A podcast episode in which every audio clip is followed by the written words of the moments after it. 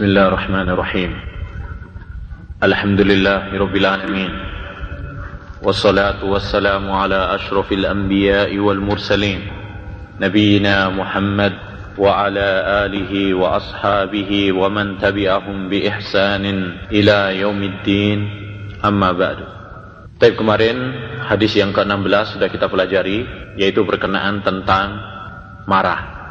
Di mana bunyi hadisnya adalah di mana? Roni?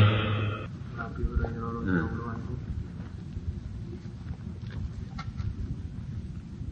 Anna rojulan Anna rojulan Qala Rasulullah sallallahu alaihi wasallam Awsi Qala la doktor faraddada miraran Kata miraran Qala la doktor Baik, ahsan. Ya. Punya hadisnya anna rajulan an Hurairah radhiyallahu anhu anna rajulan qala lin Nabiy sallallahu alaihi wasallam awsini. Qala la tahdhab faraddada miraran qala la tahdhab. Ya. Ada seorang laki-laki yang berkata kepada Nabi sallallahu alaihi wasallam, "Berilah aku wasiat." Nabi memberi wasiat kepadanya apa? Jangan marah. Orang tersebut mengulang-ulangi permintaannya, yaitu minta wasiat, tetapi Nabi SAW jawabannya satu, yaitu jangan marah. Taib anna rojulan, rojulan, apa istilahnya dalam ilmu hadis? Kemarin sudah kita sebutkan, rojulan, di sini ada istilah di dalam ilmu hadis. Ahmad. Mubham. Taib, apa artinya mubham? Tidak menyebut apanya? Namanya. Ya rojulan rojulun syekhun. Itu aja ya. Ini adalah tidak menyebut namanya. Dan ini disebut mubham. Qala al-baikuni wa mubhamun ma fihi rawin lam yusam. Hasan apa hukumnya Mahmud? Kalau dalam sanad maka dinyatakan tolak hmm. tapi kalau termasuk dalam matan maka tidak berpengaruh. Nah Eh, kalau di dalam sanad dan tidak diketahui siapa namanya, kecuali kalau diketahui dengan jalur-jalur yang lain, maka nanti dihukumi sesuai siapa dia. Tapi kalau tidak diketahui, maka hadis tersebut adalah dhaif, ya, lemah. Tetapi kalau mubham di dalam matan isi hadis, ini tidak mengapa. Asal. Qala la tahdub. Apa maksudnya jangan marah? Apa kita nggak boleh marah? Atau marah itu semuanya adalah jelek? Nah, Yang pertama untuk melatih atau mendidik agar kita bersabar. apa maksudnya? Jangan Jangan marah maksudnya? Nggak boleh marah sama sekali? ada dua ketentuan. Taib apa? Yang pertama marah yang terpuji. Nah, Yang kedua marah. yang- marah ada dua macam. Yang pertama adalah marah yang terpuji. Kapan itu? apabila kewajiban-kewajiban dikerjakan oleh manusia. Nah, marahnya karena Allah Subhanahu wa taala. Asal. Yang kedua, Marah yang tercela marah yang tercela. Kapan itu? yang menimbulkan suatu kerusakan. Taib. Kalau itu marahnya karena masalah bukan karena Allah Subhanahu wa taala tetapi marahnya karena masalah-masalah dunia. Ya, masalah-masalah dunia. Oleh itu Nabi Musa alaihissalam juga marah, Nabi Muhammad SAW juga pernah marah, tapi marahnya bukan karena hawa nafsu, bukan karena dunia, tetapi karena Allah Subhanahu wa taala. Faraddada miraran qala la tahdhab. Kemarin sudah kita sebutkan bahwasanya makna la tahdhab di sini ada dua makna. Bukan berarti nggak boleh marah, tetapi ada dua makna terhadap la tahdhab. Baik, makna yang pertama. Melatih diri untuk bersabar Hmm. Menghadapi Nah, Tentangan sehingga tatkala nanti ada Tatkala dengan sesuatu yang membikinnya dia marah, dia sudah terbiasa terbiasa, sudah terlatih. Jadi makna yang pertama adalah melatih diri kita, membiasakan diri kita untuk sabar. Ya, untuk memaaf eh, memaafkan. Ini sebelum terjadi ini. Sehingga apabila terjadi sesuatu yang membikin atau membuatnya marah, dia sudah terbiasa. Ini makna yang pertama. Makna yang kedua, Entah ya? Gitu. Hmm. Mana yang kedua? Itu makna yang pertama. Makna yang kedua? Kalau tadi sebelum terjadi. Dari belakangnya. Nah. Yalah. Hah? Kalau tadi sebelum terjadi. Baik. Yang kedua? Nah. Lah, bukan itu. Hari. Hah, teh. Itu obatnya. Enggak, makna, makna dari kata la tahdab. Yang pertama adalah membiasakan diri kita. Ini sebelum terjadi. Membiasakan diri kita untuk sabar sehingga nanti apabila ada sesuatu yang membuat kita marah, kita apa? Bisa sabar. Itu mana yang pertama. Mana yang kedua? Membaca uh, Auzubillah. Itu obatnya. Baik, antai. Kalau memang kalau benar-benar kita marah, Mhm. lepas kontrol atau mengerem. Nah, iya, ada yang maksud. Jadi kalau tadi kan sebelum terjadi, kita sudah membiasakan diri kita untuk apa? Sabar, ya. Sehingga nanti ada sesuatu yang sudah membuat sab, membuat kita marah, kita sudah terlatih. Tapi kalau yang kedua, kalau memang terjadi kita marah, jangan sampai kebablasan, ya, mencela, ya, atau sampai main pukul, atau sampai yaitu menumpahkan darah. Dengan itu kemarin saya sebutkan perkataan ulama sebagian ulama salaf yang mengatakan al-ghadabu miftahus syarr. Marah itu adalah kunci dari segala kerusakan. Baik dari hati, hati panas, dengki, ya. Kemudian eh, mulut karena dia akan mencaci maki. Kemudian anggota badan karena akan main. Tak kalau kalau kalau kaki ya main tendang, kalau tangan ya apa, apa mukul dan sebagainya. Dari kemarin sudah kita sebutkan juga yaitu obat atau bagaimana cara menangani marah. Koha. Itu yang sebelum terjadi. Nah, tindakan sebelum terjadi. Yang kedua,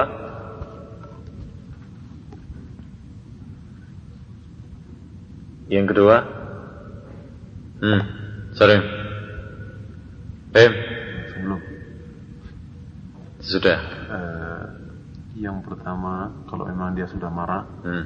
itu dia mengingat Hmm. keutamaan orang yang bersabar. apa keutamaannya? Banyak. Di antaranya orang yang bersabar itu nanti dia akan memilih bidadari yang mana dia kendaki. Ini yang dihafal.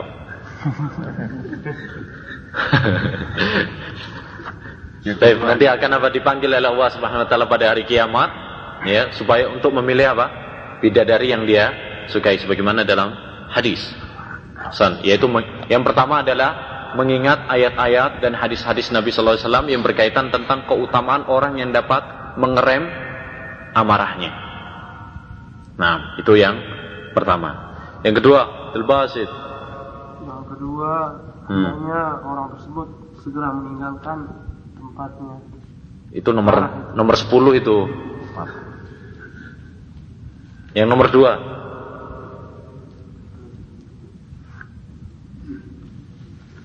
Usyuh. Baik, tidak apa-apa lah. Ya. Yaitu apa? Hendaknya dia meninggalkan tempat. Udah, jangan di situ. Kabur. Nah. Yang ketiga.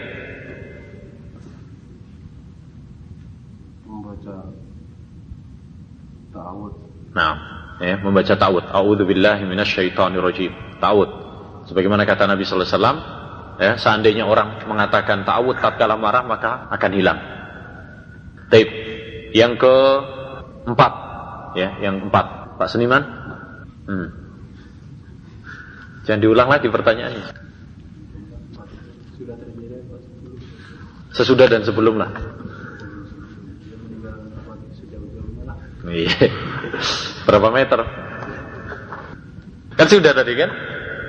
Meninggalkan tempat sudah kan tadi? Eh, merubah apa?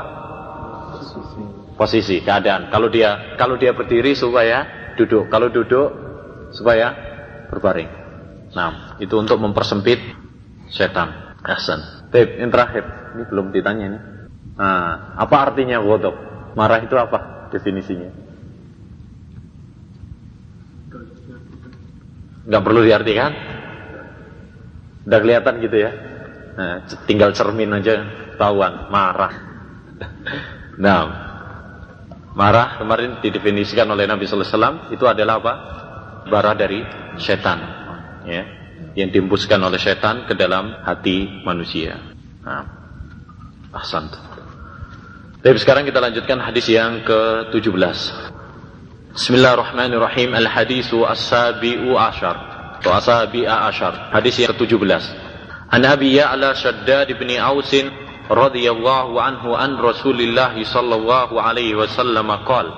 Dari Abu Ya'la. Ini adalah kunyahnya. Shaddad bin Aus radhiyallahu an. Namanya sahabat tersebut adalah Shaddad bin Aus. Masyur atau tidak? Masyur apa enggak? Hah? Masyur ya? Benar nih. Apa baru kali ini? Banyak pendengar yang memang masuk juga gitu. Oh. Kurang yakin juga. Shaddad bin Ausin adalah seorang sahabat. Tapi kurang masyur. Ya, maksudnya kurang masyhur, tidak seperti para sahabat-sahabat yang Abu Bakar, Umar yang semua orang walaupun anak-anak pun apa? kenal. Utsman bin Affan, Ali bin Abi Thalib, semua orang apa? kenal. Tapi kalau Ya'la e, Shaddad bin Aus kurang terkenal. Tapi sebenarnya dia orang terkenal. Cuma kitanya aja yang kurang mengenal, kan gitu. Nah, Nabi Ya'la Shaddad bin Aus. Ya, nama kakeknya Shaddad bin Aus ibnu Thabit ibnu Thabit. Aus ibnu Thabit adalah saudaranya Hasan ibnu Thabit. Dan kita kenal Hasan bin Thabit adalah penyairnya Rasulullah Shallallahu Alaihi Wasallam. Terkenal itu. Ya, Hasan bin Sabit adalah tukang syairnya Nabi Shallallahu Alaihi Wasallam. Ya, yang pernah didoakan oleh Nabi Shallallahu Alaihi Wasallam ya teruslah engkau menghujat orang-orang kafir dengan syairmu karena engkau ditolong oleh Jibril ruh ya. Ruh yakni Jibril alaihi assalam. Berarti apa hubungan dia dengan Hasan bin Sabit? Keponakannya. Karena Shaddad ibni Aus uh, Aus ibnu Thabit itu adalah saudaranya Hasan ya Berarti dia ini adalah anak saudaranya Hasan, keponakan. Keponakannya Hasan ibnu Thabit. Beliau adalah seorang sahabat yang mulia dan seorang ulama dari kalangan sahabat Al-Ansari dari kalangan Ansar. Dia meninggal di Syam pada tahun 508 Hijriah. Ya, Abu Darda radhiyallahu an sahabat yang terkenal Abu Darda pernah mengatakan sesungguhnya Shaddad ibnu Auf adalah termasuk orang-orang yang diberi oleh Allah Subhanahu wa taala ilmu dan keramahan, ramah, ilmu dan akhlak. Beliau mengatakan menceritakan dari Rasulullah sallallahu alaihi wasallam, "Inna Allaha katabal ihsana ala kulli syai'." Sesungguhnya Allah Subhanahu wa taala inna huruf takkid ya takkid menguatkan sesungguhnya. Dia menasabkan mubtada dan merofakkan khobar. Ya, mana isimnya? Lafzul jalalah Allah inna waha ya khobarnya jumlah fi'liyah kataba. Nah Inna Allah sesungguhnya Allah Subhanahu wa taala kataba kataba secara bahasa artinya adalah apa? menulis. Allah Subhanahu wa taala menulis secara bahasa. Tapi yang dimaksud di sini adalah mewajibkan. Aujaba atau faradha mewajibkan dan kata ba bermakna mewajibkan banyak dalam ayat Al-Quran. Ya ayyuhalladzina amanu kutiba alaikumul kisasu fil qatla. Wahai orang-orang yang beriman, diwajibkan atas kalian kisos ya, di dalam pembunuhan. Demikian juga firman Allah Subhanahu wa taala, "Ya ayyuhalladzina amanu kutiba alaikumus siyam kama kutiba alal ladzina min qablikum."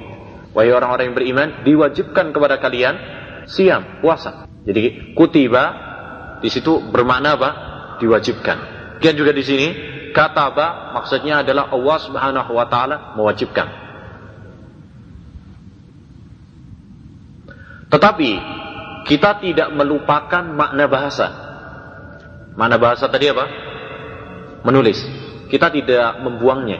Tetap Allah Subhanahu wa taala mewajibkan dan juga menulis.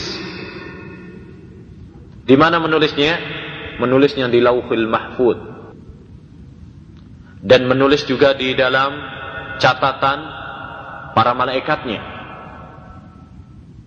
Nah, jadi Allah Subhanahu wa taala menulis di Lauhul Mahfud dan juga menulis di catatan para malaikatnya. Jadi maknanya di sini innallaha katabal ihsana sesungguhnya Allah Subhanahu wa taala mewajibkan dan juga apa?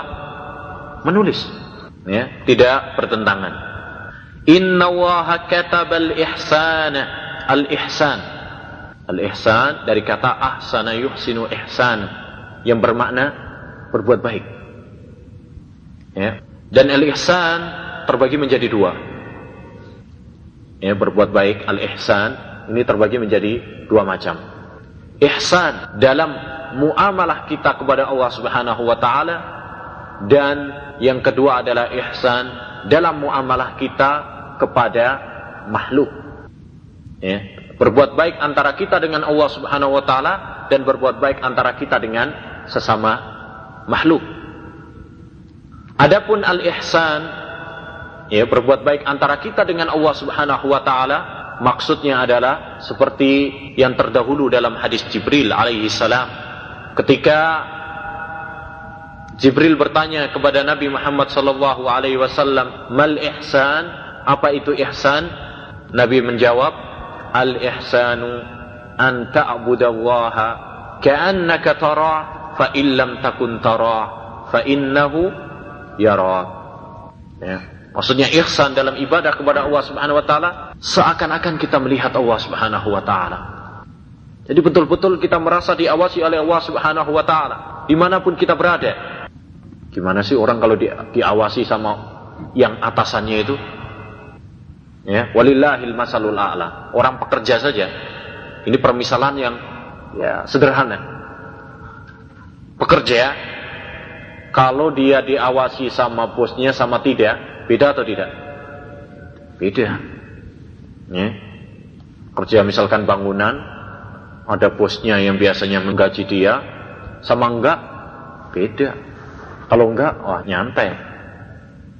Tapi kalau pas ada bosnya, buru-buru nyantai. Ya, mau duduk aja susah. Karena merasa apa?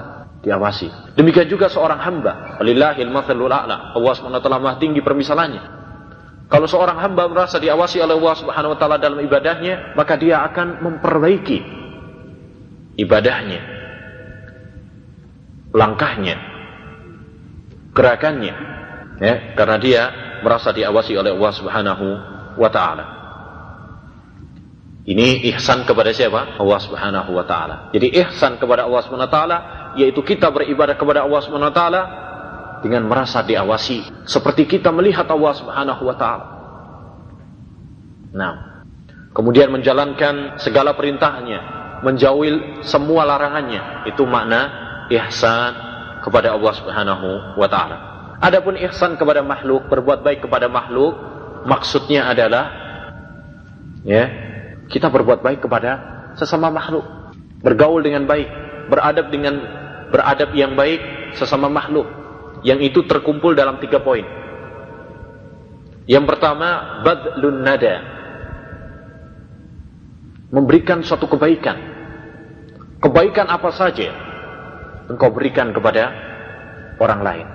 Baik itu ucapanmu yang manis, ya, ataupun bantuanmu, hartamu, pokoknya semua kebaikan kamu berikan kepada sesama uh, makhluk itu adalah berbuat baik. Badlu an-nada. Kemudian yang kedua wakaful ada.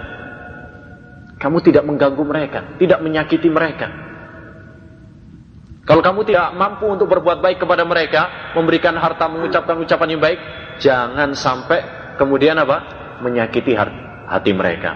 Ini sudah enggak ngasih uang, enggak ngasih apa namanya senyuman, eh, enggak ngasih ucapan yang bagus, eh malah menyakiti hati. Ini parah kalau seperti ini. Jadi yang pertama adalah berbuat baik, baik ucapan maupun perbuatan. Yang kedua adalah apa? Tidak menyakiti mereka, baik ucapan maupun juga perbuatan. Yang ketiga adalah talaqatul wajh.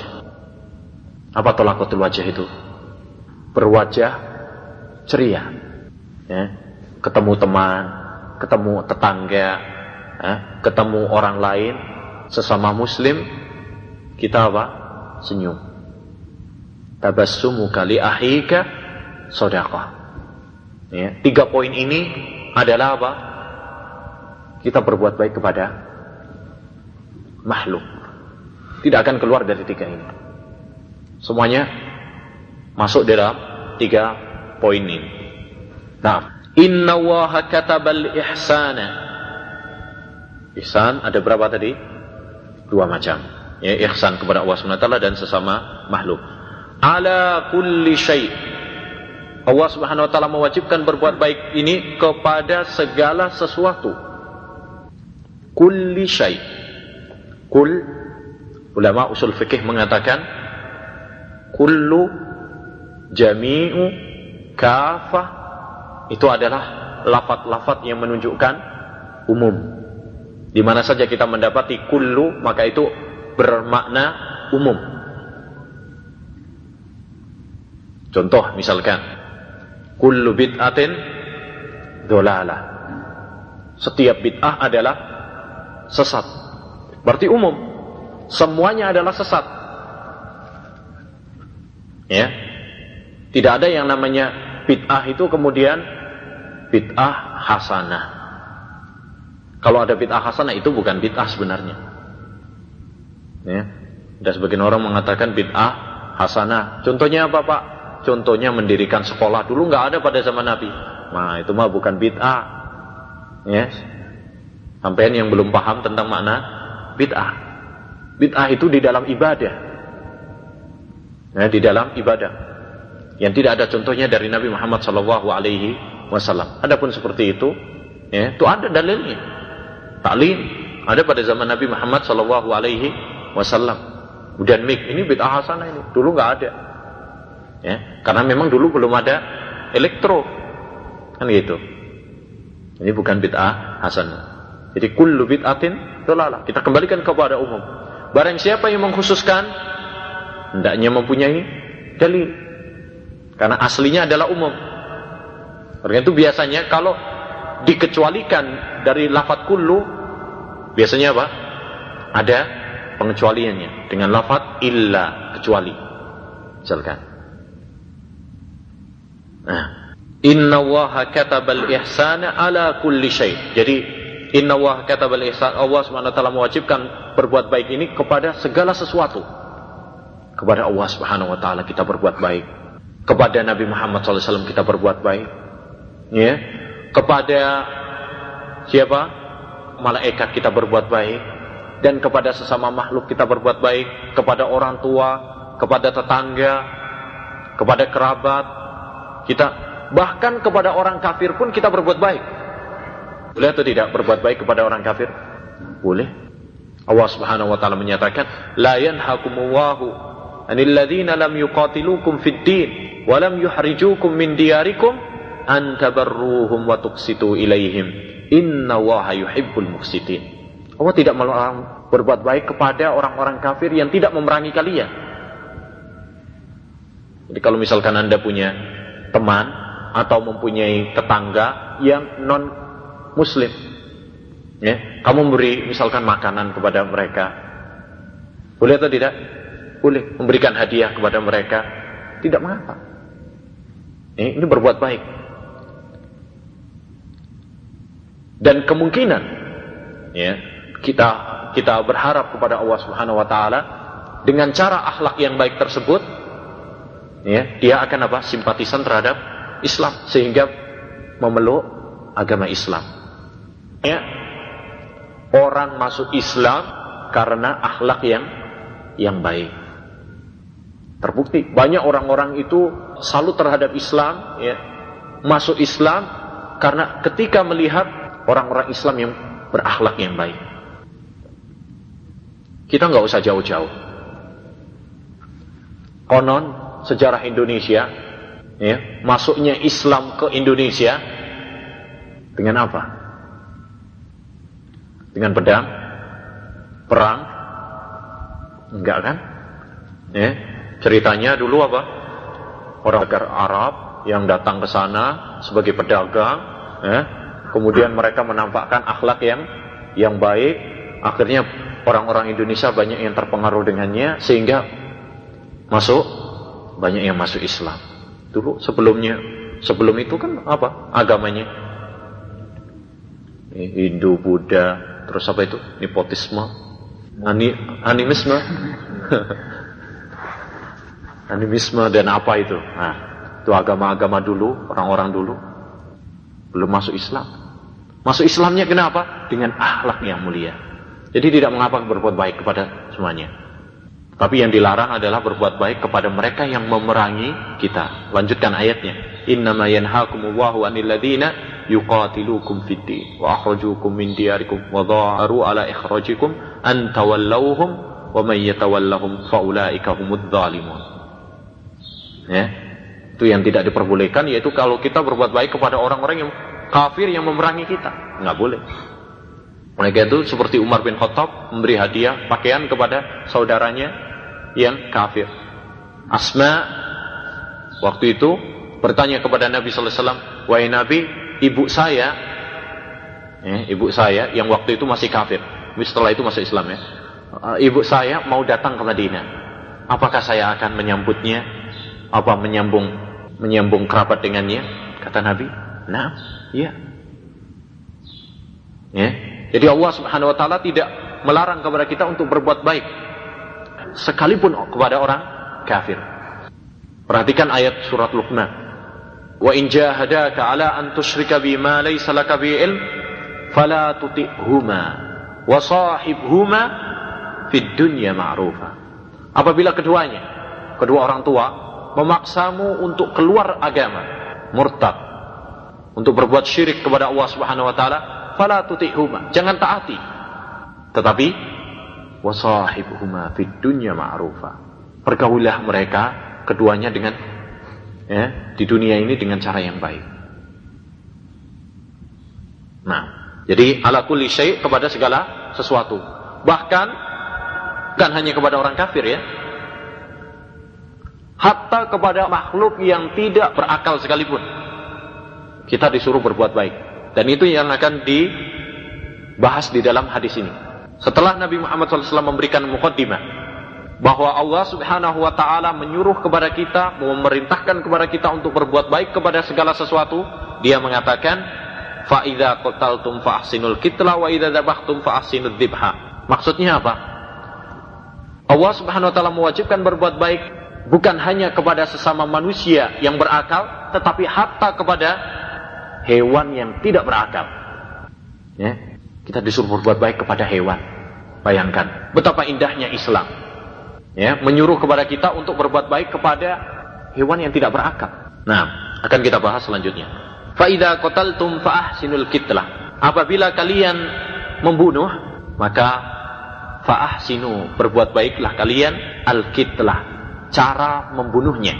Buat baiklah kepada yang dibunuh, bukan. Maksudnya berbuat baiklah dalam cara pembunuhannya. Al-kitlah di sini adalah cara hayah. Wa idza dzabhtum fa ahsinud dzibha. Kalau kalian menyembelih, maka berbuat baiklah kalian dalam cara menyembelihnya. Jadi di sini ada pembunuhan, ada menyembelih. Apa bedanya? Bedanya kalau wa idza qataltum, kalau kalian membunuh, maksudnya adalah membunuh seorang yang pada asalnya adalah haram. Seperti siapa? Manusia. Manusia asalnya boleh dibunuh apa enggak? Enggak boleh. Ya, tidak boleh. Tapi karena sesuatu hal yang membolehkan dia untuk dibunuh, misalkan karena dia membunuh, maka dikisos. Dalam hukum Islam, dikisos. Maka cara membunuhnya hendaklah membunuh yang yang baik. Itu maksudnya. Wa idza qataltum fa ahsinul qitlah. Jadi maksudnya membunuh adalah membunuh sesuatu yang haram sebenarnya untuk di, dibunuh. Itu qatl. Kalau dzabah itu untuk sesuatu yang halal. Itu bedanya. Jadi kalau qatl itu untuk sesuatu yang haram, kalau dzabah menyembelih itu untuk sesuatu yang halal. Misalkan menyembelih ya, sapi atau menyembelih ayam, itu namanya dzabah. Tapi kalau orang membunuh orang bukan zabah namanya menyembelih. Tapi tetapi hotel pembunuhan. Pokoknya sesuatu yang haram untuk dibunuh itu berarti namanya hotel. Sesuatu yang halal maka namanya zabah oleh karenanya Allah Subhanahu wa taala menyebut membunuh buruan bagi orang yang ikhram apa hukumnya? Orang muhrim membunuh buruan. Haram. Hei. Oleh karenanya Allah Subhanahu wa taala menyebutnya dengan qatl, bukan dengan dabah. Wala taqtulus sayda wa antum hurum. Jangan kalian membunuh buruan tatkala kalian ihram. Kenapa tidak mengatakan wala tadbahu as-sayd? Jangan kalian menyembelih. Kan hewan itu. Buruan. Tidak. Karena bagi orang yang ihram haram bagi dia untuk membunuh buruan. Mafhum ini? Nah, jadi apa bedanya kotel sama zabah? Kalau kotel itu untuk sesuatu yang haram, tapi kalau zabah itu untuk sesuatu yang halal. Nah, wa idza qataltum kalian membunuh. Dulu sudah kita sebutkan ada perbedaan di sana antara membunuh dengan uh, kotel dengan kotala. Kotala sama kotala. Kalau kotel itu adalah membunuh. Kalau kotala memerangi. Nah, ya, kalau memerangi belum tentu membunuh. Jadi maksudnya di sini apabila kalian membunuh, misalkan dalam kisos, dalam kisos kan boleh ya untuk membunuh, maka bunuhlah dengan cara yang baik, yaitu dengan apa? Pedang. Ya, kalau kalau kisosnya dengan pedang itu cara yang terbaik. Atau dengan cara yang kedua yaitu dengan Bagaimana dia membunuhnya? Kalau dia membunuhnya dengan dengan batu misalkan, maka dia dibalas dengan apa? Batu. Itu berarti faah sinul kitlah juga. Sebagaimana yang dilakukan oleh Nabi Wasallam, tatkala ada seorang Yahudi yang membunuh seorang wanita untuk mengambil kalungnya, ya, dengan menindihkan ke kepalanya batu, maka Nabi Wasallam membalasnya demikian juga sebagai kisah bagi dia. Tapi kalau ada yang mengatakan, wah katanya suruh berbuat baik, kok sadis gitu? Ya, tidak. Jadi maksudnya berbuat baik adalah sesuai dengan ketentuan syariat.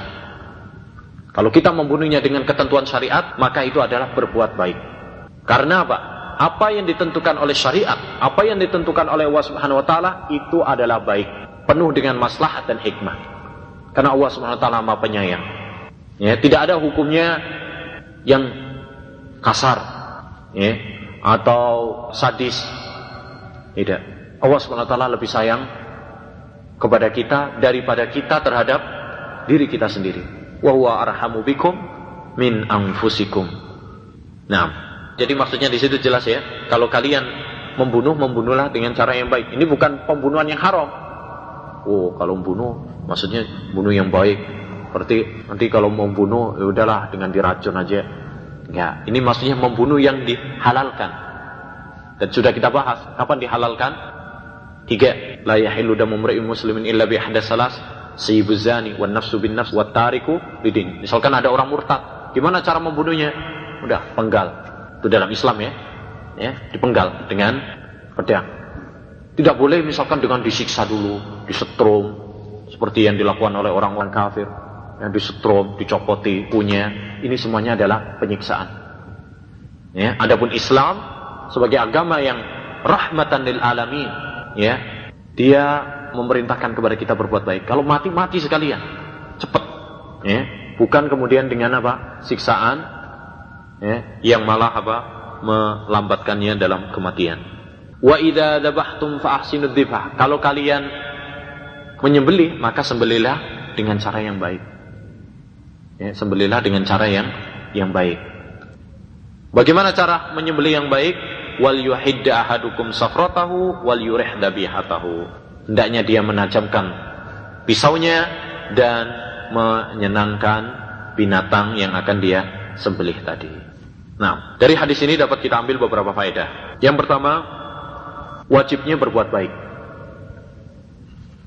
Ya, wajibnya berbuat baik, baik kepada Allah Subhanahu wa taala maupun kepada makhluk. Karena Allah Subhanahu wa taala mencintai kebaikan dan mencintai orang-orang yang baik. Wa ahsinu innallaha yuhibbul muhsinin. Berbuat baiklah karena sesungguhnya Allah Subhanahu wa taala mencintai orang-orang yang berbuat baik.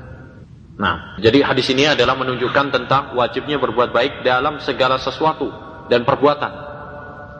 Hanya saja berbuat baik ini berbeda-beda dengan keadaan.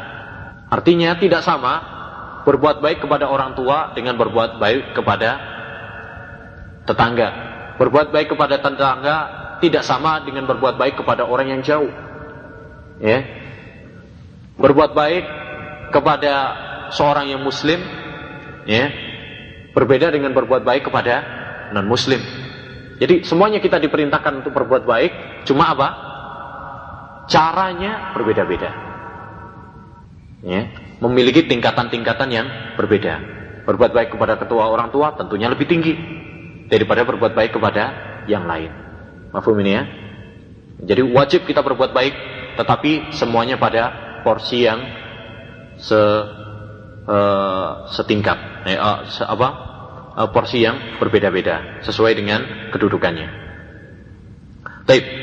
Kemudian dari hadis ini juga dapat kita ambil faedah ya tentang wajibnya berbuat baik kepada hewan ya wajib berbuat baik kepada hewan nah Islam adalah agama yang rahmah seperti saya tadi katakan dia memerintahkan kepada kita untuk berbuat baik hatta kepada hewan Taip. perlu diketahui bahwasanya Islam dalam masalah berbuat baik kepada hewan di antara berlebihan dan kurang-kurang. Sebagian orang ada yang berlebihan dalam masalah hewan. Seperti orang-orang kafir.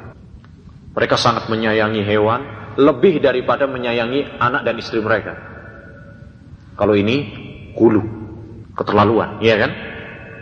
Lihat aja mereka begitu sayang kepada anjingnya daripada kepada anaknya. Akhirnya apa?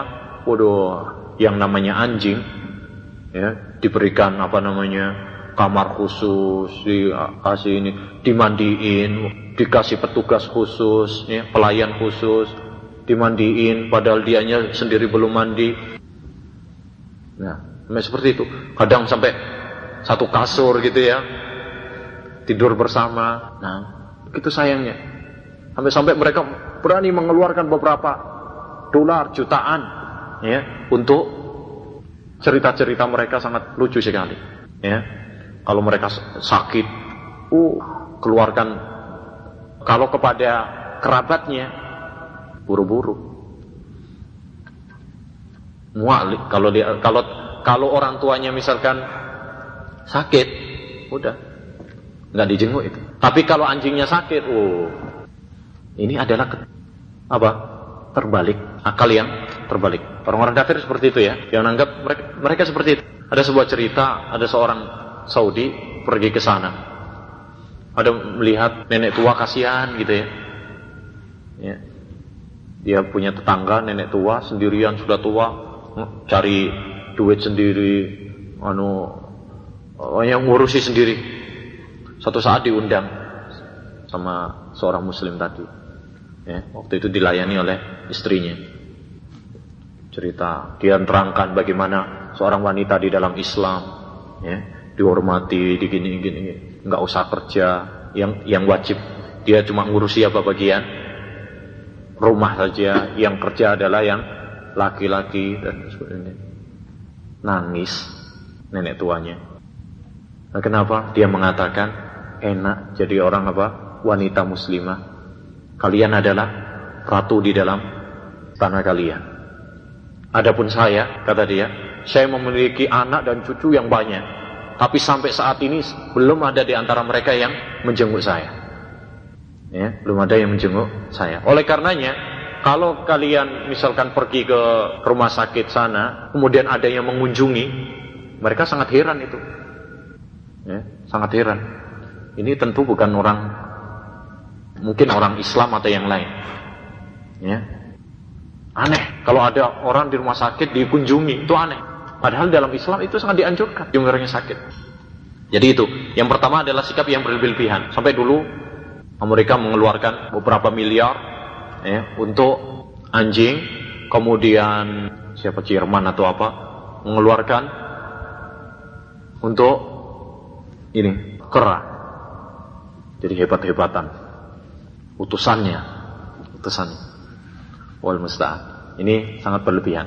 Yang kedua adalah seorang yang acuh tak acuh terhadap hewan. Ini juga keliru. Tidak berbuat baik kepada hewan. Penyiksaan kepada hewan. Ini juga keliru. Banyak ya penyiksaan-penyiksaan kepada hewan.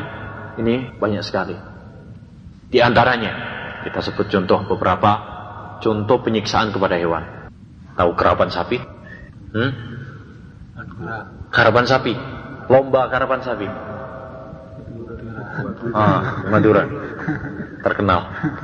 Itu biasanya ngawur. Ya, ngawur. Kadang coba ada yang tahu? Ya? Ada San? Gimana caranya? Mereka kadang apa? Disakiti, ya, dilukain. Kadang pantatnya dikasih balsem. Biar cepet ya kan? Ya, kadang dikasih dilukai kemudian dikasih garam. Ya biar cepat semua ini adalah penyiksaan. Contoh penyiksaan yang lain adalah kalau adu ayam jago. Di Indonesia terkenal. Adu ayam jago. Pak pak pak pak. Ya, kalau sudah sudah berdarah semuanya diambil. Ini penyiksaan. Ya kan? Penyiksaan sebagaimana kalau kalau manusianya ya setinju haram. Ya, haram. Hanya lomba-lomba yang ada banyak sekali yang yang bertentangan. Itu penyiksaan-penyiksaan. Atau penyiksaan tidak dikasih makan. Ini adalah tidak dikasih makan, tidak dikasih minum. Ini adalah penyiksaan. Tapi, adapun kalau sapi atau kerbau dibuat untuk sawah, boleh atau tidak? Hah? Boleh? Boleh kalau apa sesuai dengan tenaganya. Ya, sesuai dengan tenaganya dan dikasih apa? Bensinnya. Jangan bensin beneran mati. Ya. dikasih makanannya. Kemudian pekerjaannya tidak terlalu berat maka tidak mengapa. Karena memang itu dipekerjakan untuk seperti itu. Tapi kalau nggak dikasih makan tapi suruh kerja terus ya. Ada satu cerita lucu. Umar bin Khattab atau Umar bin Abdul Aziz. Pernah melihat seperti itu. Ada seorang punya kerbau dibuat untuk kerja terus. Ngasih makannya cuma sedikit. Ketahuan. Eh, ketahuan akhirnya Umar bin Abdul Aziz mengatakan liburkan sehari. Eh, liburkan dia sehari. Kamu telah apa? Mendolimi dia. Eh, mendolimi dia. Nah jadi Islam sangat menekankan sekali berbuat baik kepada hewan. Tidak boleh menyiksanya harus memberi makan, ya, memberi minum. Oleh karena itu dalam hadis ya, riwayat Bukhari Muslim, Nabi wasallam mengatakan dari Abu Hurairah, "Udzibat imra'atun fi hirratin habasatha." Ada seorang perempuan yang bisa di neraka karena sebab cing. Dia tidak memberi makan dan tidak memberi minum sehingga dia mati. Seorang wanita disiksa di neraka karena sebab apa? Kucing. Ya, dia mengasuh kucing tetapi tidak dikasih haknya. Tidak dikasih makan, tidak dikasih minum. Masuk neraka karena sebabnya. Dari hadis ini dapat kita ambil faedah penting sekali. Ya, bolehnya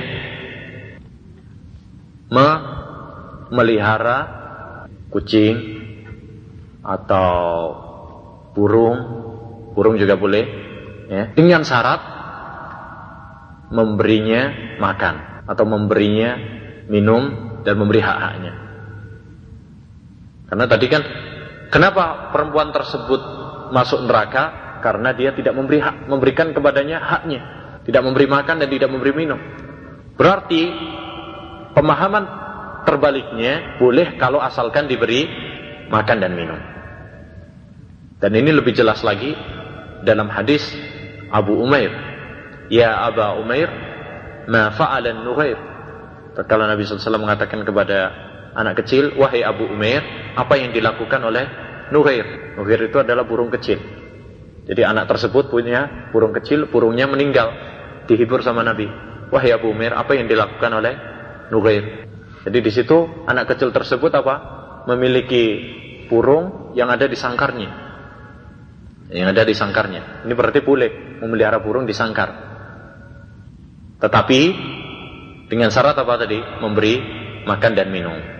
Eh, kalau nggak dikasih makan, nggak dikasih minum, nggak boleh. Oleh karena itu boleh juga seorang menaiki kendaraannya, menaiki apa namanya kudanya, menaiki himarnya, eh, menaiki kerbaunya, boleh asalkan dia mampu. Seperti Rasulullah SAW naik di atas untanya, naik di atas uh, himarnya, ya. tapi dengan syarat apa? Mampu. Kalau tidak mampu, maka nggak boleh. Ya. Bahkan memboncengkan boleh? Memboncengkan boleh. Ya, Rasulullah SAW banyak memboncengkan. Mu'ad bin Jabal, Ibnu Abbas, Usama, boncengkan. Bahkan Al-Imam Al-Baihaqi menulis kitab khusus berjudul Ardafun Nabi Sallallahu Alaihi Wasallam orang-orang yang pernah dibonceng oleh Nabi Sallallahu Alaihi Wasallam dikumpulkan sama beliau. Baik. Selanjutnya tentang berbuat baik kepada ini juga ada hadis yang lainnya yang menunjukkan tentang keutamaan berbuat baik kepada hewan. Diceritakan oleh Nabi Sallallahu Alaihi Wasallam bahwasanya ada seorang laki-laki ya yang ketika dia berjalan di satu jalan haus, dia merasa kehausan. Kemudian menemukan sumur. Setelah dia ke sumur, minum, keluar, nggak taunya ada anjing. Anjing yang mengeluarkan apa? Lidahnya bertanda haus. Dia mengatakan, waduh, anjing ini kehausan seperti saya tadi juga kehausan. Akhirnya dia turun, ya, dia turun ke sumur tersebut. Sepatunya dia isi apa? Air, lalu dia gigit dengan mulutnya, ya, dia kemudian minumkan ke anjing tersebut. Apa kata Nabi Shallallahu Alaihi Wasallam? Fasyakarallahu lahu. Allah Subhanahu Wa Taala bersyukur kepadanya dan mengampuni dosanya. Bahkan dalam riwayat yang lain, ini kalau ini kan lafadznya rojulun. Lafadz yang lain adalah apa? Dia seorang wanita pelacur. Ya, diampuni oleh Allah Taala karena sebab berbuat baik tersebut. Nah, oleh karena itu tidak boleh bagi kita untuk memfonis seorang yang ahli maksiat dengan apa? Neraka. Ya.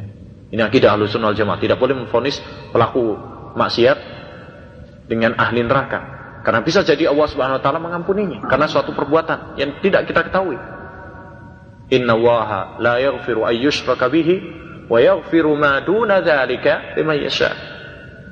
Asalkan itu dosa selain syirik, ya, masih mengandung kemungkinan Allah Subhanahu wa taala untuk mengampuni dosanya. Baik. Kemudian bagaimana cara berbuat baik kepada kepada hewan? Di sini Nabi sallallahu alaihi wasallam menjelaskan kepada kita dengan dua cara. Yaitu apa? Menajamkan pisau. Karena kalau pisau itu tajam, alatnya tajam, berarti cepat mati. Enak juga dia. Tapi kalau misalkan alatnya coba sudah setahun, sudah berkarat, eh, dipakai, nggak mati-mati gitu. Ya. Ini penyiksaan, tidak diperbolehkan. Atau juga pisaunya tumpul, ya, bergigi kayak gergaji. Ini juga nggak nggak diperbolehkan, penyiksaan. Jadi apa tajam, halus. Nah itu ditajamin dulu, diasah sebelumnya. Kalau sudah setahun yang lalu biasanya kalau Idul Adha ya kan, udah ada pisau khusus ditajamkan dulu sehari sebelumnya atau beberapa jam sebelumnya ditajamkan terlebih dahulu. Nah, yang kedua yaitu caranya tadi dengan menyenangkan. Gimana sih menyenangkan? Ya, menyenangkan bukan dengan disiksa-siksa. Itu maksudnya. Bukan dibanting. Ada sebagian dengan cara apa? Membanting misalnya. Ini keliru. Ya kita dudukkan dengan cara yang yang baik. Kita baringkan dengan cara yang yang baik. Ya. Kemudian nggak ditumpangin banyak orang. Nah, sebagian numpangin banyak orang. Ini juga termasuk keliruan. Baik, cara yang lain juga adalah dengan tidak memperlihatkan alatnya pada hewan yang akan kita sembelih. Jadi kalau antum ini ngasah atau menajamkan, jangan di depan di depan hewannya, jangan. Itu membunuh dua kali, kata Ibnu Abbas. Dengan melihatnya saja sudah sudah terbunuh dia. Ya, disembelih lagi. Terbunuh dua kali. Tidak tidak diperbolehkan. Atau juga memperlihatkan ketika kita menyembelih. Jadi kita menyembelih, dianya ngelihat. Ini juga jadi dijauhkan terlebih dahulu. Dia nggak nggak melihat. Dalam ilmu kedokteran, ya dikatakan bahwa alam tentang kebenarannya. Kalau hewan tersebut melihat kita menajamkan pisau atau melihat temannya disembelih, maka dia akan mengeluarkan zat yang akan merusak dagingnya. Walam benar kebenarnya. Tanya kepada ahli kedokteran. Baik. Yang terakhir, termasuk juga berbuat baik kepada hewan adalah dengan tidak potongnya terlebih dahulu sebelum benar-benar apa? Mati. Jangan terburu-buru. Karena kalau disembelih itu kan belum tentu langsung mati ya. Udah gerak-gerak dulu. Ya. Ayo, jangan terburu-buru di, dipotong sampai betul-betul apa? Mati. Baik, satu permasalahan. Apakah termasuk berbuat baik kepada kepada hewan yaitu menyembelihnya diarahkan ke kiblat? Apakah ini termasuk berbuat baik? Hah? Hah? Dalilnya apa?